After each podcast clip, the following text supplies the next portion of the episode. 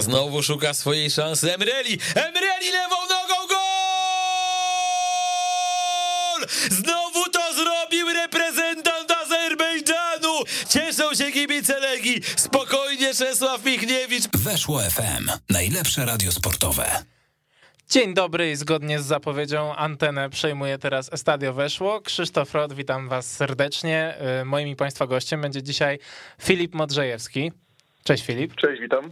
Cześć, witam. Y, tradycyjnie porozmawiamy sobie o Atletico. Myślę, że nie będę cię już męczył pytaniem, czy ta formuła się nie y, wyczerpała. Bardzo mi się podobało to, jak po meczu z Cadiz Jaka zaszła też zmiana w Diego Simone, bo właśnie w tym spotkaniu z Cadiz, w momencie, w którym Atletico wymęczyło tego pierwszego gola, e, on tak usiadł z takim, nie, nie było w nim radości, tylko była taka bardziej ulga. Usiadł, odetchnął, znaczy usiadł, bardziej tak upadł na to siedzenie, e, ale faktycznie już w tym meczu Sporto było widać dużo większy entuzjazm.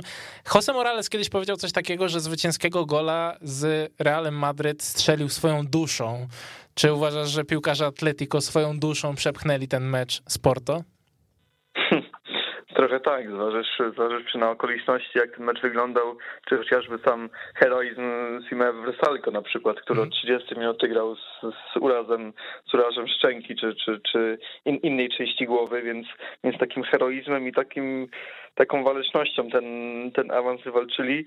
A co do Diego Simeone, to ja miałem wrażenie, że ta reakcja to również była może nie ulga, ale taka duża, duża rozpacz na to, na to jak ma mały wpływ y, w tym momencie na to, jak, jak ten zespół prezentuje się, się na murawie, ale tak jak powiedziałeś, najważniejszy był przynajmniej w tym okresie mecz, e, mecz sportu i on został, został przepchnięty po prostu dla, dla przyszłości klubu, czy nawet dla tego sezonu to był istotny mecz. Mhm, tak, no to prawda. Jak, jak teraz sobie spojrzymy na e, no właśnie, bo mamy też do poruszenia temat tego losowania Ligi Mistrzów nieszczęsnego, e, znaczy w sumie dla Atletico dość szczęsnego. No ale właśnie, jeżeli byśmy oceniali dotychczas ten sezon, no to niewątpliwie w lidze ta sytuacja jest różna. Powiedzmy, że nie da się zawsze walczyć o mistrzostwo, choć na pewno apetyty były trochę większe niż to, co obecnie prezentuje Atletico.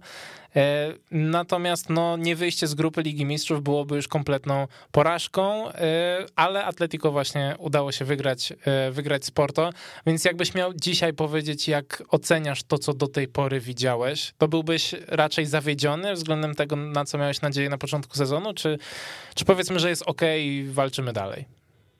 Mm, no nie, no jednak, jednak by na razie ten sezon trzeba rozpatrywać w kierunku rozczarowania, bo jednak ten zespół jeszcze się wzmocnił biorąc pod uwagę to, to, że ta kadra po prostu wygrała Mistrzostwo Hiszpanii w zeszłym sezonie. Tutaj jeszcze, jeszcze doszło kilka nazwisk i to znaczących piłkarzy jak Rodrigo de Paul, czy chociażby Mateusz Kunia, który teraz y, jest tak, tak naprawdę podstawowym zawodnikiem, a przede wszystkim Antoine Griezmann, więc, więc na pewno apetyty były zdecydowanie większe.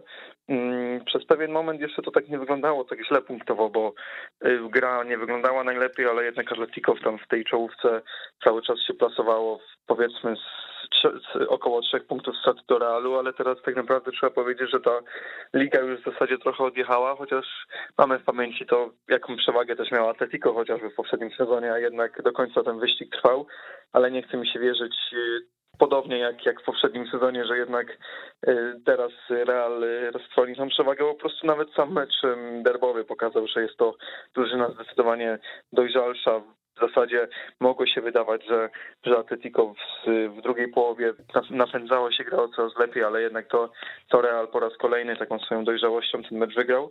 A mm, reasumując, no to jednak wyjście z grupy oczywiście to jednak jest y, to jednak jest ósme wyjście z grupy na 9 lat Simeone, tak? Do tej pory Atletico raptem w tej mhm. historii 7 razy wychodziło z grupy Ligi Mistrzów, więc sam fakt y, tego osiągnięcia jest, jest czymś po prostu mm, dużym sukcesem, ale tak naprawdę Atletico, dla Atletico wyjście z grupy w tym momencie, w, teraz w jakim znajduje się klub, to, to, to obowiązek, a sam sam, sam sposób, czy sam y, jaki, jaki obraz po sobie zostawili był, był rozczarowujący. Tak, choć też trzeba powiedzieć, że mimo wszystko ta grupa była dość trudna, no bo wydaje mi się, że Liverpool był pewniakiem do pierwszego miejsca. E, no oprócz tego miałeś też Porto i Milan, więc też takie drużyny, które zdecydowanie mogły ukąsić. Tak, grupa więc... trudna, ale jednak zauważ, że Liverpool zrobił komplet punktów na tych mhm. drużynach, więc to też wiele mówi.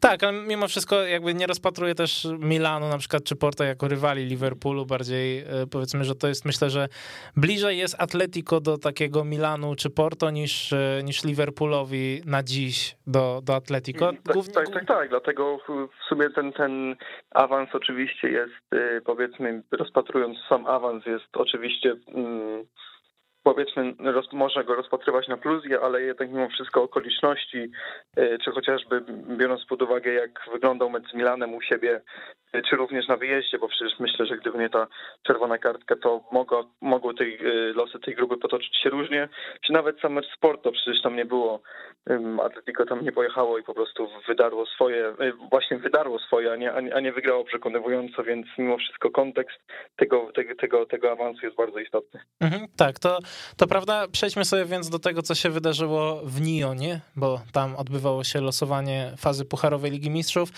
No, myślę, że wszyscy już wiemy, y, jaki, jaka sytuacja się wydarzyła, tylko z tego kronikarskiego obowiązku przypomnę, że nastąpiła awaria, czy jakiś tam błąd y, programu, który zajmował się pokazywaniem, które drużyny są dostępne do wylosowania. E, no i trzeba było to losowanie powtarzać. Atletico w pierwszym rzucie otrzymało Bayern, więc wydawało się, że że no to jest mimo wszystko koniec, koniec sezonu dla Atletico. Natomiast, y, natomiast w tej drugiej rundzie to jest Manchester United. No i właśnie, jak ty patrzysz, bo wydaje mi się, że zarówno kibice Atletico, jak i kibice Manchester United są z tego losowania zadowoleni, a jeżeli pojawia się taka sytuacja, no to wiedz, że coś, coś jest nie okej. Okay. to ktoś, ktoś będzie na pewno rozczarowany.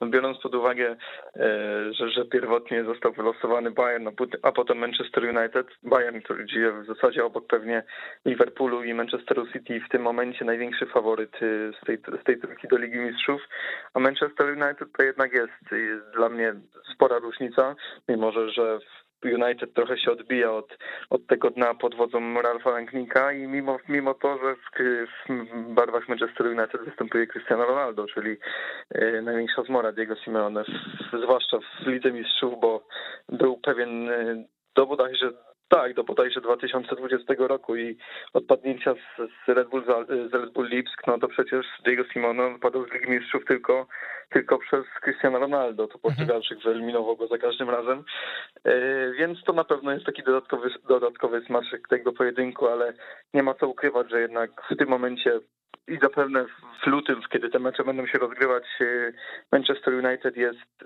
jest zespołem po prostu półkę niżej niż Bayern, a e, więc e, ta, ta reasumpcja losowania wyszła dla, dla, dla, dla Atletico pozytywnie, tym bardziej, że tak naprawdę, tak jak powiedziałem, zobaczymy w jakiej formie będą te zespoły w lutym, bo teraz tak naprawdę możemy wyrokować na podstawie dotychczasowej formy, a w przypadku Manchesteru i Atletico ona była jednak no, oba zespoły były, były, jednak pod formą. Tak, to prawda. W ogóle to Atletico było y, jednym, chyba w ogóle pierwszym klubem, czy, czy jednym z pierwszych, który no, zaskarżył po prostu to losowanie i domagał się, domagał się powtórzenia, więc faktycznie... Tak, ale potem jeszcze Villarreal też, mhm, tak, tak, też tak. złożyło wniosek, więc było tych, tych zespołów kilka. Tak, więc powtórzono. Poszkodowany był Real, mhm. ale, no ale już nic nie zrobimy. Tak, no nic nie zrobimy. Też w ogóle ten dwumecz, który się pojawił jest myślę najbardziej interesujący z tych wszystkich. E, no ale faktycznie Atletico na pewno zyskało. Ja bym, ja bym w ogóle powiedział, że, że nawet kilka półek niżej od, od Bayernu jest Manchester United, mimo tego, że przyszedł Ralf Rangnick. Ale właśnie, no to jest ten problem w ocenianiu losowania, że te mecze są za niecałe trzy miesiące, więc powiedzmy, że naprawdę sporo może się pozmieniać. E, wróćmy więc do ligowej rzeczywistości. W weekend odbyły się derby Madrytu. Derby, które mam wrażenie, że hmm, Atletico może być trochę niezadowolone, bo no, miało mimo wszystko opcję, żeby, e, żeby no, u, no, powiedzmy ugryźć Real Madryt w tym spotkaniu, a z drugiej strony e, nie mogą się też pozbyć wrażenia, że Real Madryt, gdyby potrzebował tutaj na przykład zwycięstwa 5 do 0, to by wygrał 5 do 0. Może, może aż tak wysoko nie, ale ja też nie mogę się wyzbyć wrażenia, że jednak cały mecz był pod kontrolą Realu. Nawet ta druga połowa, gdzie po zmianach Atletico grało trochę lepiej, były te sytuacje pozorne, nawet większe posiadanie piłki, ale jednak ta kontrola była właśnie, właśnie pozorna, jak wcześniej wspomniałem, że jednak to Real był tą drużyną dojrzalszą i to on pokazywał większą kulturę gry. E, to były takie trochę klasyczne derby. Mam wrażenie, że, że od wielu lat zwłaszcza na, na Bernabeu one wyglądają dość podobnie, czyli Real w miarę szybko w pierwszych 15-20 minutach zdobywa bramkę i potem w zasadzie przez, przez resztę meczu kontroluje te wydarzenia boiskowe.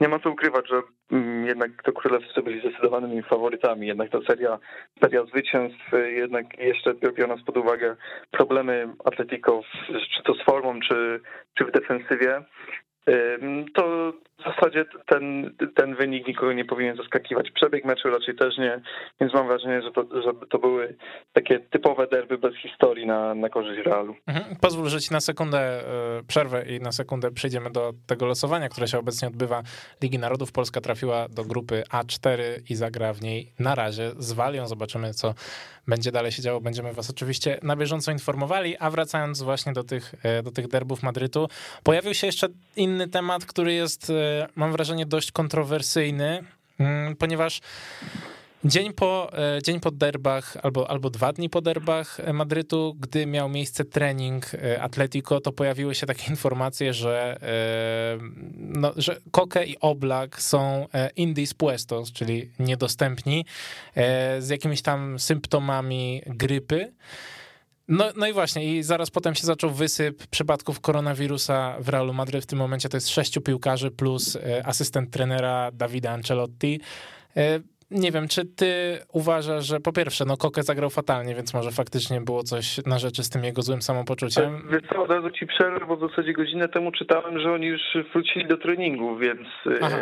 tak naprawdę nie wiem, no raczej, raczej mimo, mimo takich, e, raczej skoro mieli takie objawy, to raczej byli testowani, a, a właśnie godzinę temu czytałem na, na e, profilu twitterowym jednego z fanpage'a Atletico, teraz zapomniałem, nie pomnę nazwy, ale że, że, że wrócili do treningów. Okay. Mam nadzieję, nadzieję, że przynajmniej będzie to wiarygodna informacja, bo tak mi raczej, raczej jest, to, jest to wiarygodny fanpage. No właśnie, jest dość dużo zamieszania z tym wszystkim i, i też y, no to, jak tak naprawdę po, po kilku dniach od tamtego meczu, y, jaki nastąpił wysyp przypadków y, w ekipie Realu Madryt głównie, no to to jest dosyć dosyć niepokojące, a idąc trochę dalej. Wiesz, mimo wszystko też, że ci jeszcze tutaj dopowiem, było kilka nawet y, nie tyle w Hiszpanii, co po prostu w całej Europie też przypadków takich y, meczów, gdzie nawet już y, potem były jakieś wysypy czy ognisk zachorowań, to jednak wydaje mi się, że, że nie było takiej korelacji między, między jednym a drugim zespołem, gdy mierzyły się między sobą, ale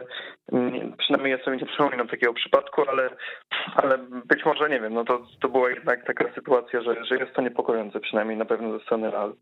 Mhm, tak, to, to zdecydowanie jest prawda. Teraz pozwól y, tylko, że na sekundę jeszcze wrócimy do losowania, ponieważ właśnie Robert Pires ze swoim szarmanckim uśmiechem otwiera ostatnią kulkę i dowiadujemy się, że Polska w grupie A4 zmierzy się z Belgią, Holandią oraz Walią. E, cóż, myślę, że pozostawimy ocenianie tego koszyka innym, e, innym innym osobom, a my wrócimy sobie do tego, co się będzie też działo w weekend, ponieważ do końca 2021 roku hiszpańskie drużyny rozegrają tylko już dwa mecze ligowe.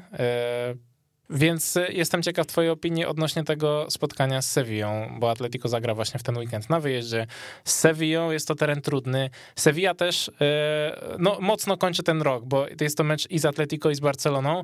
Natomiast Sevilla w wypadku wygrania swojego zaległego spotkania, no i oczywiście zwycięstwa z Atletico, jest y, zaledwie 5 punktów od Realu Madryt, więc to jest naprawdę nieduża różnica.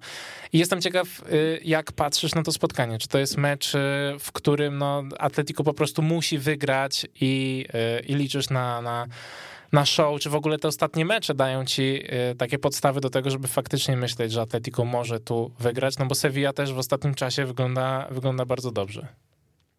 Mm, wiesz co, nawet bym, bym się trochę polemizował, czy Sevilla wygląda bardzo dobrze, bo były trochę problemów kadrowych w ostatnim meczu z Atletikiem Bilbao, gdzie owszem udało się, udało się wygrać, ale jednak ta gra nie wyglądała e, przynajmniej w mojej ocenie zbyt dobrze. No tak, ten Atletik to był tak, to był taki mecz dość średni faktycznie. A, a poza tym mm, o dziwo przynajmniej w, w kontekście Sewilli, gdzie i mając w pamięci poprzedni sezon, mm, to trochę też analogicznie do Atletico wyglądają zdecydowanie gorzej w defensywie, więc to, to na pewno jest taki element wspólny jednej, jednej i drugiej drużyny. No Atletico po prostu musi punktować w tym momencie już trochę oddalić myślenie o, o mistrzostwie Hiszpanii, mimo wszystko tylko regularnie punktować, żeby cały czas mieścić się w top 4. Wiemy, że do końca roku wypadł już Antoine Griezmann, co też jest y, sporym osłabieniem, bo jednak był to zawodnik w całkiem niezłej formie, zwłaszcza w rozgrywkach y, Ligi Mistrzów.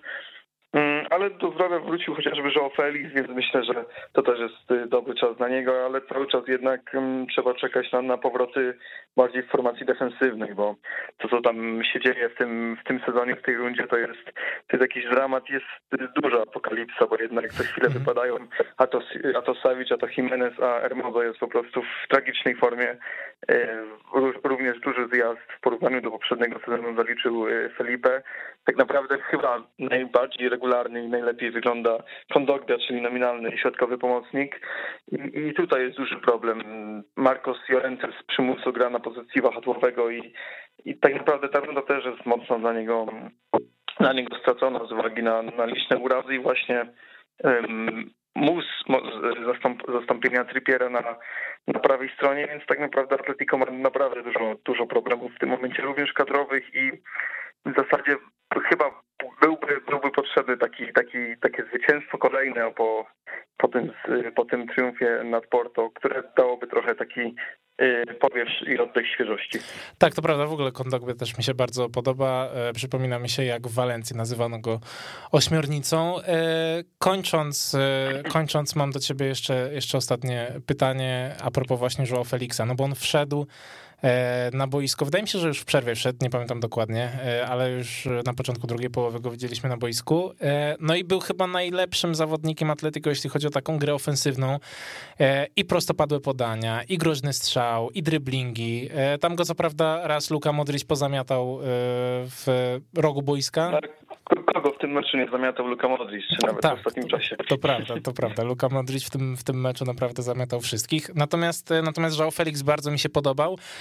E, no i pytanie, czy ty patrzysz na niego, bo ten Felix nam się przewija też w naszych rozmowach. Ja bym e, po takim meczu, no nie widzę sytuacji, w której Diego Simone go nie wystawia w pierwszym składzie, bo to jest po prostu gwarant jakości z przodu.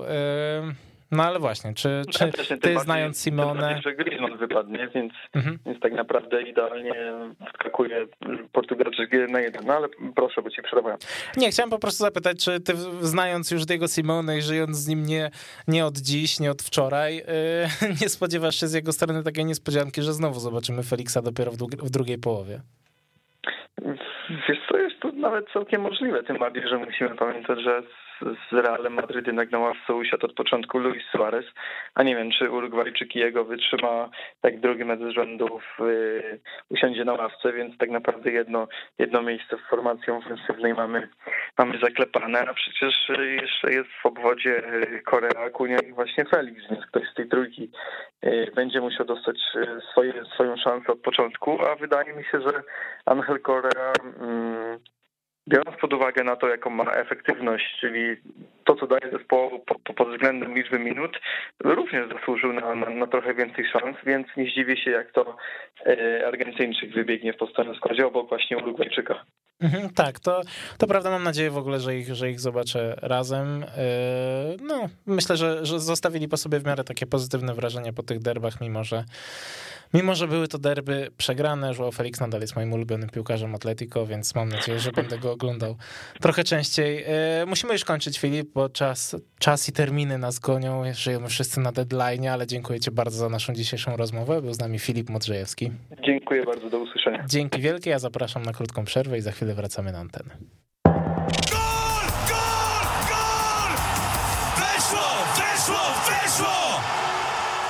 I jesteśmy z powrotem na antenie. Jest z nami Paweł Orzuk, weszło.com. Cześć Paweł.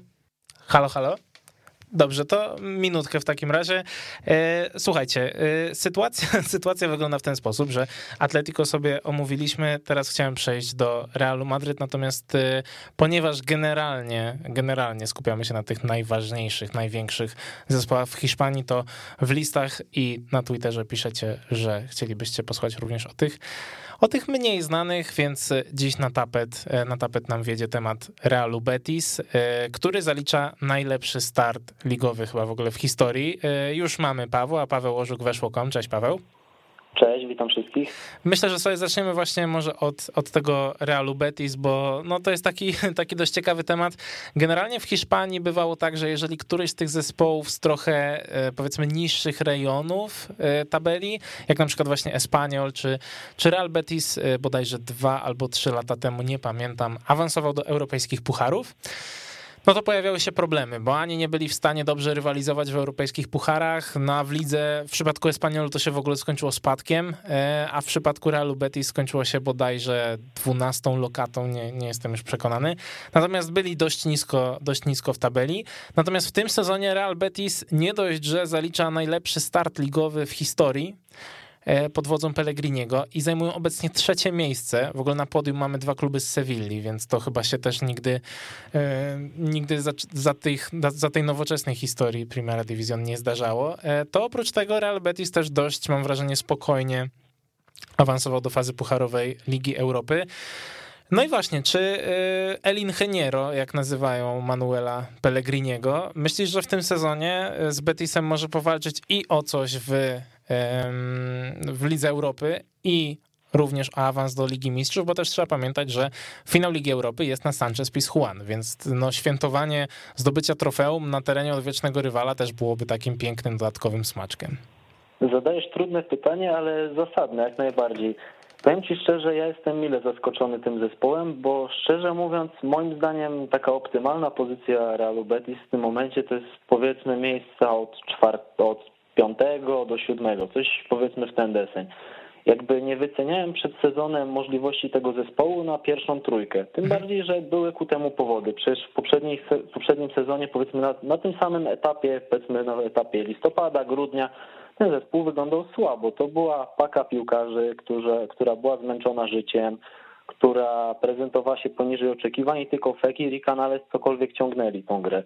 Więc ja jestem szczerze mówiąc oczarowany, tym bardziej, że oni poprawili nie tylko ofensywę, na co wszyscy zwracają uwagę, ale moim zdaniem na uwagę warto zwrócić też w kwestii gry obronnej, no bo z czym kojarzy nam się Betis w ostatnich latach? Z różnego rodzaju śmiesznymi zagraniami, dziwacznymi błędami. Często do różnych zagrań obrońców można było spokojnie podłożyć muzykę z Benego Hilla i myślę, że nie byłoby to, nie byłoby to przesadą, bo naprawdę potrafili czynić w tej obronie cuda i często się wygłupiali do tego stopnia, że człowiek łapał się za głowę. A teraz jeszcze w tym sezonie przecież zespół opuścił Aisa Mandi, który wydawał się najbardziej konkretnym z obrońców, jakich miał Manuel Pellegrini i nagle się okazuje, że ten zespół potrafi bronić. Mhm, tak, to, to prawda. W ogóle bardzo mi się podoba to, jak, jakiego entuzjazmu ostatnio nabrał Real Betis, bo oczywiście Real Sociedad, z którymi oni się mierzyli w weekend, to w ostatnim czasie nie jest w najlepszej formie. Natomiast tutaj było widać ten głód, głód goli i też w ogóle taką pozytywną atmosferę. Trzeba też przypomnieć o bardzo fajnej akcji corocznej kibiców Realu Betis, że w tym, meczem, w tym meczu przed Bożym Narodzeniem oni zrzucają z trybun na murawę e, pluszaki, które przynoszą ze sobą e, i te pluszaki są później rozdawane w domach dziecka, w e, miejscach, które się zajmują dziećmi niepełnosprawnymi, które nie zawsze mają szansę, żeby otrzymać prezent na Boże Narodzenie, więc to też jest taki miły obrazek, jak widzisz cały stadion, kilkadziesiąt tysięcy ludzi rzucających maskotki na na murawę. E, no ale właśnie, idąc dalej. Juan mi e, w tym sezonie gra tak, że, że naprawdę palce lizać. Borja Iglesias, przypomniało mi się, że na Twitterze wrzucił coś takiego, jak było pytanie, kto powinien wygrać złotą piłkę, to on napisał, że właśnie Juan mi. Niedawno przedłużenie kontraktu Sergio Canalesa. Wydaje się, że po prostu wszystko tam funkcjonuje perfekcyjnie na dziś. Dokładnie, a przypomnijmy, że Real Betis miał naprawdę duże problemy finansowe, dosłownie, może my sobie z perspektywy Polski nawet nie zdajemy z tego sprawy, ale tam już były tak daleko posunięte problemy, że trzeba było poczynić gwałtowne ruchy. Budżet na pensję Betisu dwa sezony temu wynosił około 100 milionów euro. Teraz on został zrewidowany do około 66 do 70 milionów euro w zależności z jakiego źródła korzystamy, więc różnica jest duża i dyrektor sportowy Antonio Cordon, który został zatrudniony już rok temu, obraca się w dość trudnych realiach. Musi się skupiać przede wszystkim na piłkarzach, którzy są do wzięcia za darmo i w dodatku nie mają zbyt wygórowanych oczekiwań co do pensji. No chociażby taki Benedetto, który teraz gra w Elche, był proponowany właśnie Betisowi, a Betis nie był w stanie wypłacić, nie był w stanie zaoferować mu takiej pensji, która byłaby go w stanie zainteresować. Więc moim zdaniem problemy Betisu były duże, nadal są spore w kwestii organizacyjnej, natomiast pewne sprawy zostały uporządkowane, no i co najważniejsze, ten Betis naprawdę fajnie gra w piłkę, o czym staramy się mówić i tutaj pompować nieco ten zespół, bo naprawdę warto. Mhm, tak, choć na drugim biegunie mi się wydaje, że jest trochę Joaquin, choć z drugiej strony, czy naprawdę można mówić, że, że ktoś jest na drugim biegunie, jeżeli mm, mamy 40-latka, który nadal, 41 chyba już w ogóle latka, albo prawie 41-latka, który nadal gra w klubie na poziomie Primera Division. No, on, on gra dość słabo. Widać, że, że to już nie jest ten piłkarz, co jeszcze powiedzmy dwa lata temu, że już nie wnosi takie, tej takiej ekstra energii. Myślę, że to jest też trochę powiązane właśnie z tym samym krokiem do przodu, który wykonał Betis, no bo łatwiej było się wyróżniać pewnie na tle tego Betisu sprzed dwóch, trzech lat. E, no ale właśnie, czy e, widzisz to jako, wydaje mi się, że to jest ostatni sezon Hakina już w Realu Betis, czy widzisz go jako, jako jakąś tam jak obejmuje jakąś pozycję, nie wiem, dyrektora, czy, czy asystenta trenera, czy, czy kogoś po prostu w sztabie, czy, czy jednak myślisz, że, że zostanie kibicem? Przypominam, że była taka historia, że Joaquin wydał milion euro na akcję Betisu e, przy pokazując swoje przywiązanie do tego klubu i potem przez tydzień spał na kanapie, bo go żona wyrzuciła z sypialni. Ale on dalej posiada te akcje tego klubu i przecież nieraz już obiecywał, że w przyszłości zostanie prezesem Betisu. Myślę, że akurat tu można uważać, że trzeba, warto go trzymać za słowo i myślę, że z biegiem czasu stanie się tym prezesem. Natomiast po drodze jeszcze czeka, czekają go występy w telewizji, bo nie wiem, czy słyszałeś, ale podpisał kontrakt z jedną z telewizji i będzie przeprowadzał wywiady w jednym z programów. Mhm. Także Także intensywny czas czeka Joaquina. No, jakby nie patrzeć, no trudno się nie zgodzić z tym, co powiedziałeś, że pomału Joaquin już zjeżdża do bazy, już jest coraz słabszym piłkarzem, no ale nie zapominajmy, że jest zawodnikiem kluczowym w rozgrywkach Ligi Europy. Tam jest piłkarzem, który wychodzi w pierwszym składzie i tylko w lidze jest na razie taką postacią mar marginalną. Natomiast Ciężko powiedzieć, czy to się też nie zmieni w kolejnych miesiącach. Ja jakby nie wierzę, że nagle Joaquin odzyska drugie siły, że będzie prezentował się jak 25-latek, ale myślę, że jeszcze jest w stanie kilka razy błysnąć. Akurat bym go nie skreślał, bo taki zawodnik, który może wejść na ostatnie 20 minut, może się często przydać Betisowi. Tak, to, to prawda. Ja mam, myślę, że jednak to będzie, to będzie końcówka kariery Joaquina, aczkolwiek pięknej kariery i też Piękny gra teraz Real Betis, więc jeżeli, jeżeli szukacie czegoś takiego mm, nie z tego głównego nurtu, nie z mainstreamu, e, chcecie, chcecie zanurzyć się w tę hiszpańską piłkę, to zdecydowanie polecamy Real Betis Pellegriniego. E, przejdziemy sobie do trochę innego Realu, do Realu Madryt, e, który no przeszedł suchą stopą naprawdę przez ten swój niezwykle trudny okres, zachował pięć czystych kąt, yy, ostatnio zwycięstwo w derbach, yy, wysforował nam y, Real Madryt na yy, czele stawki, natomiast no, to, nie jest, to nie jest tak, że wszystko jest pięknie i kolorowo, z czego w sumie trochę się cieszę, bo już naprawdę nie było o czym rozmawiać, jeśli chodzi o Real Madryt, bo tam wszystko szło perfekcyjnie. Y, okazało się, że, że w Madrycie jest, y, znaczy w Realu Madryt, w Valdebebas jest y, pewne ognisko e, zakażeń koronawirusa. Mieliśmy potwierdzenie, że Marcelo i Modric otrzymali bodajże wczoraj pozytywne wyniki. E, dzisiaj przyszły kolejne pozytywne wyniki e, i byli to Asensio, Bale, Andrii Łunin oraz Rodrigo, a także Davide Ancelotti, czyli asystent Carlo Ancelottiego i jego syn. No i właśnie, jak patrzysz sobie na, e, na ten Real Madrid w najbliższym czasie, przypomnijmy, że oni grają najpierw z Cadiz u siebie, potem z Atletikiem Bilbao na wyjeździe. Raczej wiemy, że ten mecz z Cadiz będzie łatwiejszy. E, czy myślisz, że to jest moment, w którym królewcy potencjalnie mogą zanotować jakąś wpadkę? Mm, czy patrzysz na przykład na, na ten mecz z Cadiz i uważasz, że to jest idealny moment, żeby, nie wiem, żeby dać szansę Antonio Blanco, czy e, Federico Peterowi, bo to też jest taka, taka perełka, powiedzmy, z Castilla i oczekuje się, że dostanie powołanie?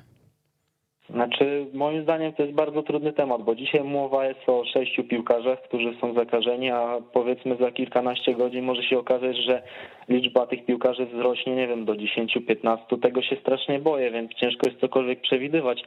Natomiast moim zdaniem Real ma w tym momencie tak szeroką kadrę, że powinien sobie poradzić bez względu na to, czy, czy zagra w pełnym składzie, czy powiedzmy, nie wiem, trzech, czterech zawodników nie będzie w stanie grać w najbliższych dwóch spotkaniach. No teraz mowa o sześciu, tak? Mhm. No ale też ja zakładam taki scenariusz, bo czytałem też jeden z artykułów teraz bodaj w marce, przeleciało mi, że jeszcze będą powtórne testy wykonywane, więc może akurat jeszcze coś uda się wskórać. Natomiast ja nie jestem jakimś wielkim optymistą w tej kwestii. No ale fakt, że takie spotkanie z Kadyksem, no to Real Madryt powinien przejść suchą stopą, nawet wychodząc takim składzie niepełnym, czy też jak, jak zwał, tak zwał. Mhm. Raczej bym się nie obawiał tego spotkania.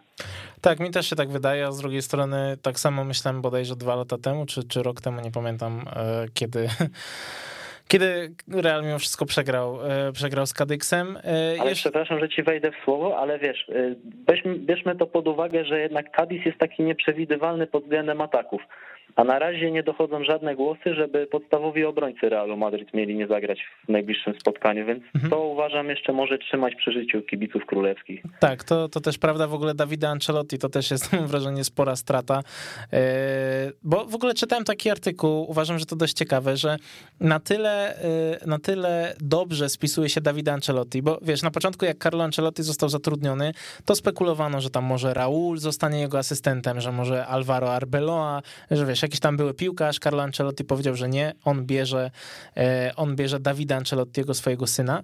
I na początku, wiesz, pojawiało się takie oskarżenie, że trochę nepotyzm, że trochę synalka swojego wprowadza. No, oczywiście. A teraz, teraz y, są takie informacje, że wszyscy są po prostu zachwyceni pracą z, Davide, z Ancelottim, y, że on tak naprawdę w dużej mierze ogarnia tam kwestie taktyczne i tak dalej. I y, widzieliśmy na przykład taki filmik, kiedy to on de facto doradził Karimowi Benzemie, jak ma się poruszać w w akcji, żeby otworzyć skrzydło, e, żeby potem udać, że się rusza w pole karne, ale zostać na skraju i tak padł też pierwszy gol dla Realu Madryt w tych derbach. Pojawiła się nawet informacja, że jeżeli gdzieś tam potencjalnie za dwa lata Carlo Ancelotti będzie odchodził z Realu Madryt, to jeżeli Dawid Ancelotti nadal będzie się tak rozwijał, on jest też bardzo lubiany przez piłkarzy, to niewykluczone, że on zostanie w klubie, może nawet jako pierwszy trener, to by było na pewno bardzo Ciekawa historia, no ale trochę, trochę wybiegłem do przodu. E, tak podsumowując to, co się ostatnio działo w ramach, e, w ramach e, meczów Realu Madryt, czy wyobrażasz sobie lepsze przejście przez ten trudny okres? No przypominam, to był i Inter, i Atletik, i Sevilla, i Atletico. Naprawdę solidne marki, a Real Madryt tak naprawdę każdego kolejnego rywala odprawiał. No ja sobie szczerze mówiąc nie wyobrażam lepszego przejścia przez ten trudny okres, tym bardziej, że jakby nie patrzeć, Real miewał problemy w niektórych spotkaniach. No z Sevillą było już naprawdę gorąco, ale ta wisienka na torcie w postaci, w postaci meczu z Atletico moim zdaniem zamknęła w ogóle krytyką usta. Ten mecz w wykonaniu Realu był fantastyczny. Zmiażdżyli pod każdym względem Atletico. Ja wiem, że tam dwie czy trzy sytuacje w końcu to Atletico miało. Natomiast to, w jaki sposób Real dusił to Atletico, dusił przez większość spotkania, było po prostu niesamowite jeżeli tak Real Madryt będzie grał w Lidze Mistrzów, no to szczerze mówiąc trzeba będzie stawiać ich w roli kandydatów do zdobycia tego trofeum. Co ty uważasz o tym? No myślę, myślę, że jest to jak najbardziej, jest to jak najbardziej możliwe. Też właśnie o, o Ligę Mistrzów chciałem cię zapytać e, na koniec o to losowanie, bo wiemy, że Real Madryt tutaj najwięcej e, stracił, no bo w pierwszym rzucie grał z Benficą, a w drugim rzucie gra z PSG, więc powiedzmy, że przeskok jakościowy jest dość mocarny, natomiast ja jestem w ogóle zadowolony z tego losowania, bo uważam, że ten mecz z Benficą, e, z PSG będzie fascynujący piłkarsko, ale też ze względu na wszystkie konteksty. No Sergio Ramos e, w barwach innej drużyny na Bernabeu, Leo Messi powraca, Kylian Mbappé, oprócz tego piłkarze, którzy też grali przecież w Realu Madryt, czyli Hakimi, Di Maria, Keylor Navas, to są naprawdę piękne, e, piękne podteksty i jest jestem ciekaw, jak się zapatrujesz. Oczywiście, powtarzam to, że zostały jeszcze niecałe trzy miesiące do tych meczów, więc my sobie możemy gadać, a tam trenerzy i piłkarze swoje. Natomiast jak oceniasz szansę też Realu Madryt na awans? Jak oceniasz w ogóle ten dwumecz? Ja trochę odbiegnę od tego tematu, bo też y, tak, taka naszła mnie myśl. Wyobraź sobie teraz sytuację. Casemiro ostro wjeżdża w Leo Messiego. I co robi Sergio Ramos w tej sytuacji? error, error dostanie, naprawdę. Nie będzie wiedział, co zrobić. Także było, byłoby wesoło i tym bardziej, że już Sergio Ramos zapowiedział, że nie pozostawi suchej nitki na Realu Madryt, jeśli będzie taka potrzeba, więc no jakby nie patrzeć, święto futbolu. Szkoda, że już w jednej ósmej, szkoda, że nie w jakiejś dalszej fazie, natomiast pod względem techniki piłkarzy, jakości, szybkości, takiej ogólnej jakości piłkarskiej, no to moim zdaniem lepszego starcia nie można było sobie wybaczyć. Ja wiem, że część kibiców królewskich pewnie nie jest do końca zadowolona z tego losowania, no bo można było trafić lepiej, ale takie mecze jak się szykuje, no to moim zdaniem jest to warte jednak zobaczenia i myślę, że, że będzie ciekawie. Na pewno nie zakładam, że tutaj będzie 0-0 w pierwszym meczu, 0-1 w drugim, czy coś w tym stylu. Myślę, że akurat tutaj będzie grą bramek. Mhm. No, z tym pozytywnym akcentem, jeśli chodzi o przewidywania sobie. Na dziś zakończymy. Pamiętajcie, że y, mecze Realu Betis są niezwykle pasjonujące, więc odpalajcie je w weekend, jeżeli tylko będziecie mieli ochotę, bo naprawdę warto to zobaczyć. Ja ci za dziś dzisiaj, Paweł, serdecznie dziękuję. Był z nami Paweł Orzuk, weszło.com. Ja ci również dziękuję i do usłyszenia podczas następnej audycji. Tak jest, do usłyszenia. E, no i zapraszam na krótką przerwę, za chwilę wracamy. Messi na lewą stronę, wbiega w pole karne rywali Alba. Van Dijk na prawo, Firmino chodzi w pole karne PSG. Tu jest Bale, jest Kroos, jest także Isco uderzenie, jest bramka. Weszło FM, najlepsze radio sportowe. I jesteśmy z powrotem na antenie Weszło FM jest już z nami Michał Zawada, Socja Barcelony. Cześć Michał. Cześć, cześć. No i słuchaj, yy, może, może zaczniemy od takiego powiedzmy trochę śmiesznego tematu. Ja nadal nie jestem w stanie tego zrozumieć, natomiast Barcelona zagrała yy, mecz towarzyski w Pucharze Diego Maradony, imienia Diego Maradony z drużyną Boca Juniors. E, to było bodajże w Arabii Saudyjskiej rozgrywane, z tego co, z tego co pamiętam. E, no w środku, w środku sezonu, w środku tygodnia, w takim momencie dość newralgicznym, bo też ta forma ostatnio Barcelony nam nie imponuje. E, no i co? Okej, okay, nie wygrała tego pucharu, jakby to nie jest najważniejsze, to, to tego nie oceniamy. E, natomiast mamy kilka smaczków. Mieliśmy Rickiego Płcia, e, który z tego co widziałem, to by, no powiedzmy, że zagrał w miarę dobre spotkanie. Mieliśmy powtórny debiut Daniego Alvesa, który miał być jednym z najlepszych e, zawodników Barcelony. Czy ty to spotkanie w ogóle oglądałeś? Bo widziałem, że też były z tym problemy. Najlepsze pytanie. Nie, nie, ja nie oglądałem nie dlatego, że, że były problemy, tylko dlatego, że ja bojkotuję generalnie tego typu rozwiązania. Granie gówno, za przeproszeniem, meczów na, y, w krajach y, arabskich, y, gdzie, gdzie wiemy, jakie, jak, nie będziemy teraz rozmawiali o prawach człowieka generalnie mhm. i tak dalej, to tylko po to, żeby wziąć, żeby wziąć jakieś śmierdzące 2,5 miliona euro, czy tam 2 miliony. No okej, okay, rozumiem fatalną sytuację Barcelony finansową, ale jak się nosi UNICEF na plecach i pisze się na stadionie Meskę Klub, to może należałoby się trochę szanować. E, wycieranie sobie nazwiskiem Maradony, tworzenie jakiegoś, jakiegoś, jakiegoś śmiesznego pucharu, oddawanie mu hołdu w miejscu, w którym nigdy w życiu nie był, e, ściąganie w tym celu e, dwóch kultowych klubów tylko po to, żeby zrobić jakieś widowisko dla, dla jakiejś grupy gamoni, którzy, którzy tam nie mają co robić w środku tygodnia. Ciągnięcie tych piłkarzy jednych przez pół świata, drugich przez, przez cały kontynent na 90 minut jakiejś, jakiejś wątpliwej proweniencji rozrywki. To jest w ogóle karykatura futbolu, karykatura w ogóle zdrowego rozsądku to jest w ogóle tak żenujące, jak tylko może być, dlatego ja takich rzeczy nie oglądam. Mhm. Przypomnę tylko, że dopiero od niedawna kobiety mogą wchodzić na mecze w Arabii Saudyjskiej. Także no, to co też... się z nimi oprócz tego dzieje, jak są traktowane, y, to, to, też, y, to też dobrze by było, żeby sobie panowie w Barcelonie przypomnieli. Tak, to też jest zupełnie inny temat. Były też takie kontrowersje, gdy, gdy super puchar, no zresztą nadal jest super puchar Hiszpanii w Arabii Saudyjskiej, jeszcze bodajże w, następnym, w następnym sezonie I, też i, będzie. I, I umówmy się, nie chodzi tu o kwotę. Nieważne, czy to jest tak. 2 miliony, czy to jest pół miliona, czy to jest 10 milionów, czy to jest 30 milionów. Albo się ma zasady i się je wypisuje na stadionie, albo się ich nie ma i wtedy bierze się pieniądze od wszystkich. I, tak. i po prostu albo się chce być konsekwentnym i, i chce się nosić na sztandarach 122 lata historii klubu i być z tego dumnym, albo, albo po prostu dajmy sobie spokój i nie grajmy w lidze, tylko grajmy co tydzień mecz towarzyski za, dwa, za dwie i pół bańki. Zróbmy Harlem Globetrotters i jeżeli ktoś to będzie chciał gdzieś oglądać w Kazachstanie, Azerbejdżanie, jest parę krajów jeszcze, gdzie są nieprzestrzegiwane prawa człowieka i gdzie ludzie chętnie za bilety zapłacą, a, a, jakiś, a jakiś, nie wiem, Łukaszenka miejscowy dołoży dwie i pół bańki, żeby mieć rozrywkę, żeby popatrzeć, jak goście w koszulkach Barcelony, bo z Barceloną to generalnie pierwszym składem nie miało wiele wspólnego, biegają po boisku i w ten sposób grając co tydzień możemy, możemy z miesiąc zarobić e, pewnie lekko licząc 10, 10 e, milionów e, euro. To daje całkiem pokaźną kwotę na koniec sezonu. Nie trzeba grać w lidze. Tak, tak, to, to prawda, może nawet wystarczy Nerlinga Halanda. Słuchaj, idąc dalej, bo to był puchar imienia Diego Maradony, natomiast wydaje mi się, że prawdziwy puchar imienia Diego Maradony to będzie dwumecz z Napoli w Lidze Europy. Czy ty jesteś zadowolony z tego losowania, czy uważasz, że okej, okay, no Barcelona pewnie ma trochę większe szanse na odpadnięcie, bo też Napoli e, poza tą ostatnią porażką wydaje mi się, że jednak jest w gazie. Zobaczymy, co będzie w lutym. E, natomiast no jest to na pewno e, jeden z groźniejszych przeciwników, jeden z faworytów do wygrania Ligi Europy. No a z drugiej strony, z drugiej strony jest to taki mecz też, też z podtekstami i chyba lepiej mimo wszystko grać z takim Napoli niż z jakąś drużyną powiedzmy z dość niskiej półki. E, wiesz co, jak spadać e, już w Europy to z wysokiego konia, a e, do lutego na szczęście może się jeszcze dużo rzeczy poukładać i wydarzyć. Barcelona jest klubem, nie, nie tylko drużyną, jest klubem w fazie budowy.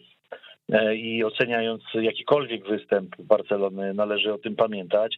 I oceniając ich szanse na jakikolwiek dalsze awanse w jakichkolwiek rozgrywkach, też należy pamiętać, że jest to klub, który jest w trakcie presezonu u Szawiego, e, tak naprawdę. Mhm. Oni mają teraz czerwiec. E, Szawi wszedł do szatni, e, dopiero zaczyna pracować z drużyną. I ja nie oczekuję absolutnie niczego po tym zespole. Ja w ogóle nawet, nawet nie komentuję specjalnie na Twitterze tych meczów Barcelony, bo, bo jakbym się chciał czepiać pojedynczych zagrań e, w meczu z Osasuną, to byłbym niepoważny, bo no jak mam oceniać trenera, który z drużyną nie pracował e, i nie miał wpływu na przygotowanie fizyczne, nie miał wpływu na transfery. E, I no, sam bym nie chciał być w takiej sytuacji, ale jeżeli chciałbym gdzieś pracować, to wykorzystałbym szansę. E, zakładając, że dostanę więcej czasu, a nie zostanę zwolniony na przykład na koniec sezonu po tym, jak przegram absolutnie wszystko, bo równie, również tego można się spodziewać. Natomiast rzeczywiście, jeżeli Barcelona, Barcelona w tym momencie może odpaść z Ligi Mistrzów, e, z Ligi Mistrzów odpada, e, z Ligi Europy z każdym zespołem z europejskiej czołówki, z Milanem, kimkolwiek, kto, kto, kto tam jest wysoko w topowych ligach i, i gra w tych rozgrywkach. Więc więc jak już, to lepiej grać w Napoli i rzeczywiście niech to ma jakąś historię i niech to, y, i niech to rzeczywiście będzie dwumecz imienia Maradony, tak jak słusznie zauważyłeś, a nie jakieś a nie jakiś mecz popierdółka, który po prostu, y, wiesz, no, no, no taki jak ja jeździłem na Puchar UEFA z Brandby Kopenhaga, czy jak odpadaliśmy z Celticiem tak. Glasgow y, w Pucharze UEFA. Wolę, wolę odpaść z Pucharu Ligi Europy z Napoli w, w, w topie, niż z Celticiem Glasgow po jakichś ciężkich meczach, gdzie Barcelona nie dowozi fizycznie albo bo, bo nie jest fizycznie przygotowana do sezonu. Nawet zawodnicy poza Barceloną, jak Griezmann, mają kontuzje mięśniowe, których normalnie nie miewali, co pokazuje, jak zostali przygotowani do tego sezonu. Mhm. E, I, no i generalnie tak, tak jak powiedziałem, no, nie wiadomo, jak ta drużyna będzie wyglądała w lutym, bo teraz Teraz to ja bym stawiał na Napoli raczej 60 do 40 albo nawet więcej. E, w lutym to może być, e, to może być różnie. No. Tam Szawi nie będzie miał, Szawi nie będzie miał za dużo wolnego czasu, żeby popracować z zawodnikami, ale będzie miał mecze i będzie miał dużo takich meczów, jak na przykład ten z Osasuną, gdzie materiału się zbiera po prostu e, masa i niektórzy przechodzą, przechodzą pozytywną selekcję, a inni przechodzą negatywną. No, nawet, nawet, nawet no, się okazuje, że, że taki Ricky może przejść pozytywną selekcję w meczu towarzyskim. Najlepszy jest towarzyskich i presezonowych, okazuje się. Może, może, może należałoby mu, bo piłkarsko okazuje się, że widać, że dowozi w takim meczu spokojnie granie, więc może to jest kwestia mentalu, może to jest kwestia tego, że jak grał, nie grał pod presją Kesetiena, grał najlepiej jak grał do tej pory, bo nie grał pod presją, rzeczywiście wchodził zupełnie, a teraz się okazuje, że walczy, musi walczyć o miejsce w składzie. Może jemu trzeba psychologa zatrudnić po prostu tak. do, do pracy indywidualnej, mhm. Bo tu problem może nie jest w nogach, tylko jest w głowie. Tak, to prawda. Jeszcze, jeszcze tak podsumowując ten, ten temat Ligi Europy, wydaje mi się, że też tak czysto wizerunkowo lepiej potencjalnie jest właśnie odpaść z jakimś Napoli, gdzie jest przynajmniej trochę klimat Ligi Mistrzów niż no nawet nie wiem, jakie tam zespoły awansowały do tej, do tej fazy pucharowej, szczerze mówiąc, ale no... No jest parę mocnych ekip. No tak, tak, kilka, tam... kilka jest zdecydowanie, natomiast nie wiem, także, czy... Także tam jest z kim przegrać yy, tak naprawdę. E, a, a mówię, no Barcelona na, na takim poziomie, jakbyśmy ich wyjęli z meczu z Osasuną yy, i puścili ich na, nie wiem... Yy, kogo możemy wziąć, Daj, dajmy na to, no nie wiem, no no, no już obojętne, no, no weźmy tam... Sturm Graz grał w fazie grupowej, proszę bardzo. No, na przykład. No to ja wcale nie wiem, czy Sturm Graz nie zagra lepszego meczu y, niż Osasuna. A to może na Barcelonę w tym momencie wystarcza. Mm. Tego, tego, tego, tego nie wiemy, bo, bo Barcelona w tym momencie to jest jedna wielka zagadka, no ale sam zarząd sobie taką zagadkę y, z, y, poskładał, dlatego, że nie zatrudnił Szawiego przed sezonem, e, czy prawda. kogokolwiek innego. Nie można, nie można robić takich rzeczy. No, no to, jest, to jest po prostu, wiesz, no jak, jak, jak w starym przysłowiu o zmianie koni w środku brodu. No tak, wiesz, no jak się zmienia, no to może uciągną, a może, a może się utopią. Nie wiadomo, no. Słuchaj, a, y, a idąc dalej, bo powiedziałeś o tym meczu z Osasuną, ja oczywiście chcę poruszyć ten temat. Mam kilka, kilka tych tematów, nie wiem, czy zdołamy wszystkie poruszyć. Yy, najpierw bym chyba wyróżnił Gawiego, bo w tej całej, mam wrażenie, mizerii, bo ten mecz był takim, takim spotkaniem, w którym Barcelona raz miała zdecydowanie przewagę, a raz no, nie miała kompletnie kontroli nad tym spotkaniem i były takie momenty, co, co mnie w sumie szokowało, bo y, były takie momenty, w, którym, w których Osasuna całą jedenastką, no, całą dziesiątką poza bramkarzem, była na połowie Barcelony i mhm. rozgrywała piłkę. I to było coś, co jak ja zobaczyłem, że oni faktycznie wszyscy, nawet ci środkowi obrońcy przekroczyli środkową linię boiska, to nie chcę powiedzieć, że coś we mnie pękło, ale, ale zobaczyłem i byłem, byłem zszokowany tym. E, więc to, było to było takie trudne spotkanie. Natomiast e, postacią, która mam wrażenie, że zdecydowanie się obroniła i broni się po prostu od kilku tygodni, jest Gavi, który nie dość, że rzucił fenomenalną piłkę do Niko, naprawdę super, super podanie, to dodatkowo e, spełniał się tak naprawdę na wielu pozycjach, no bo zaczął trochę wyżej jako taki jakby schodzący do środka skrzydłowy, grał też jako pomocnik, a w ogóle koniec koniec meczu y, częściej go widywaliśmy, patrząc na tę hitmapę, częściej go widywaliśmy na pozycji bocznego obrońcy, więc y, no Gavi się po prostu broni absolutnie w każdym spotkaniu y, i jak patrzysz w ogóle na to, jak ostatnio się prezentuje ten gość, który jest 17-latkiem i grał na przykład z Bayernem na wyjeździe. W zasadzie, nie, w zasadzie mhm. nie ostatnio, bo on od momentu wejścia do drużyny, to od pierwszej minuty pokazuje, że, że on daje jakość. Najpierw dawał intensywność przede wszystkim. Był, y, łapał szybko żółte kartki, był głównie y, bardzo waleczny i pokazywał, że jest w odbiorze nie do zatrzymania. No, w tym wieku ale jest bardzo silny fizycznie. Mówię, cały czas dla mnie to jest zawodnik, tak jakby był wychowany w innej kulturze gry. Mhm. E, jakby był wychowany w Anglii, w środku pola w, angielskiej, w angielskiej piłce. On idzie w starcie w ogóle z zamkniętymi oczami e, i on te starcia wygrywa. Musi mieć bardzo silny kor, mówię o mięśniach brzucha, pleców e, i tak dalej. Mocno stoi na nogach, ma bardzo fajnie, środek ciężkości panuje nad nim. Takie rzeczy których ja bym się po piłkarzu wychowanym w La Masie nie spodziewał. E, to nie wiem, czy to jest naturalny talent, czy, czy tak był, czy, czy, czy rzeczywiście gdzieś patrzono u niego takie, takie możliwości. No to jest chłopak dużo mniejszy od Niko, ale jest, jest mega zadziorny. No mówię, taki fox terrier. Jak dopadnie dzika, to go będzie, będzie go podgryzał z każdej strony, aż, aż, aż, go, aż go kurczę, wiesz, osiągnie swój cel. I, i on rzeczywiście w odbiorze jest, jest niesamowity. Najgorzej wygląda przed samą szesnastką, jeżeli chodzi przeciwnika, jeżeli chodzi o, o finalizację. Nie mówię o podaniu, bo jeżeli mhm. chodzi o podanie, to tak jak powiedziałeś, no widzi dużo, e, umie z tego skorzystać. E, praktycznie jedyne pozycje, na których on nie grał do tej pory, to są, znaczy wiesz, no na boku ataku też grał. E, mhm, ale, tam, tak, ale, tam moim zdaniem, ale tam moim zdaniem z, z tych wszystkich pozycji, na których grywał, wygląda na prawej stronie ataku najsłabiej. W środku pola może grać wszędzie. W obronie pewnie dałby sobie radę wszędzie y, tak dobrze jak na boku, bo jest szybki, jest waleczny, jest dobry w odbiorze. Do tego jest inteligentny, y, więc generalnie umie się ustawić. Y, jak, jak, jak ma dobrego trenera i dostanie rozpracowanego zawodnika na swoją pozycję, będzie wiedział, jakie piłki zawodnik dostaje, którą nogę ma lepszą, gdzie schodzi, to on go, to on go zeżre bo on po prostu wyłącza, wyłącza takich piłkarzy, y, jak, jak wie na kogo ma grać, to, to taki gość przy nim nie istnieje, mimo tego, że chłopak ma 17 lat. Mhm. Także Dlatego ja też swoją drogą trochę wyżej stawiam e, Gawiego niż Pedriego pod kątem takiego dostosowania do realiów współczesnego futbolu, bo u Gawiego widzę taką agresję, którą widać, ale to jest taka inteligentna agresja, to nie jest taka agresja jak u Arturo Vidala, e, tylko to jest taka agresja na zasadzie takiej zażartości, na takiej, no takiego tak, tak, wyskoku do pressingu. Tak, właściwie, że ne, taka dobrze ukierunkowana e, energia w tym wszystkim jest. On nie szuka gry faul, on szuka odbioru, ale żeby obecnie odebrać piłkę zawodnikowi, który się przemieszcza z prędkością około 30 km na godzinę, to ty musi być silny, szybki i precyzyjny. Mhm. I taki właśnie jest, taki właśnie jest Gavi.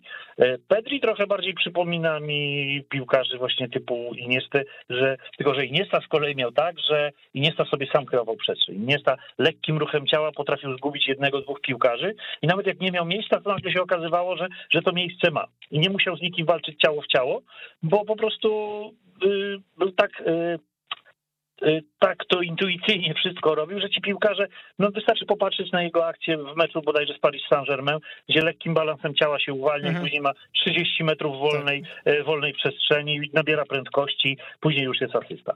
I on takich akcji w karierze zrobił dziesiątki. I Pedri raczej, raczej ma to, raczej ma, ma napędzanie akcji z piłką ale to też jest taki gatunek, który zawsze będziemy kochali, bo to jest taki gatunek jak Modric, e, jak, e, jak, jak, jak młody, jak młody mm, e, no nie będę teraz szukał już. Generalnie młody Guardiola grał też, e, też podobnie wtedy, kiedy był przesuwany wyżej. Także takich piłkarzy jest e, Andrea Pirlo, e, młody, grał podobnie. Więc nie mówię już o tym Pirlo, tam, którego mhm. wszyscy pamiętają z tak. okresu końcowego, gdzie chodził po boisku i rzucał piłki po prostu na nos, tylko mówię o takim młodym, młodym Pirlo. Więc generalnie to jest, to jest inna charakterystyka zawodnika, ale mieć takich dwóch o różnej charakterystyce i takiej jakości piłkarskiej, to jest, to jest mega sprawa. Tak, zdecydowanie I tak, tak. Do tego Niko jako trzeci e, i do tego Busquets jako czwarty doświadczony pomocnik jest z czego wtedy budować pomoc. E, problemem Barcelony cały czas nieustannie jest to, co jest na bokach i to, co jest pod bramką. E, I, i, te, i te problemy trzeba rozwiązać kupując, bo, no bo fajnie, że Abde strzelił gola, ale rozmawialiśmy o nim chyba i ja mhm. uważam, że że to jest dla mnie jedna wielka niewiadoma. Ja nie wiem, jakim on będzie piłkarzem. Tak, to prawda, ja to widzę, prawda. Że, ale ja mimo widzę, wszystko, on... wiesz co, Michał, wydaje mi się, że, że tutaj jest ogromny potencjał, a ja wybacz, że ci przerywam, ale musimy już po prostu powoli, jasne, e, powoli jasne. kończyć. Tacy dzisiaj jesteśmy zabiegani, wiele tematów poruszamy. Michał, dziękuję ci serdecznie, był z nami dzięki, Michał Zawada. serdeczne, do Trzymaj się. Razu. Do usłyszenia hej. za tydzień. E, dziękuję wam bardzo. Do usłyszenia, hej. Słuchasz, weszło FM.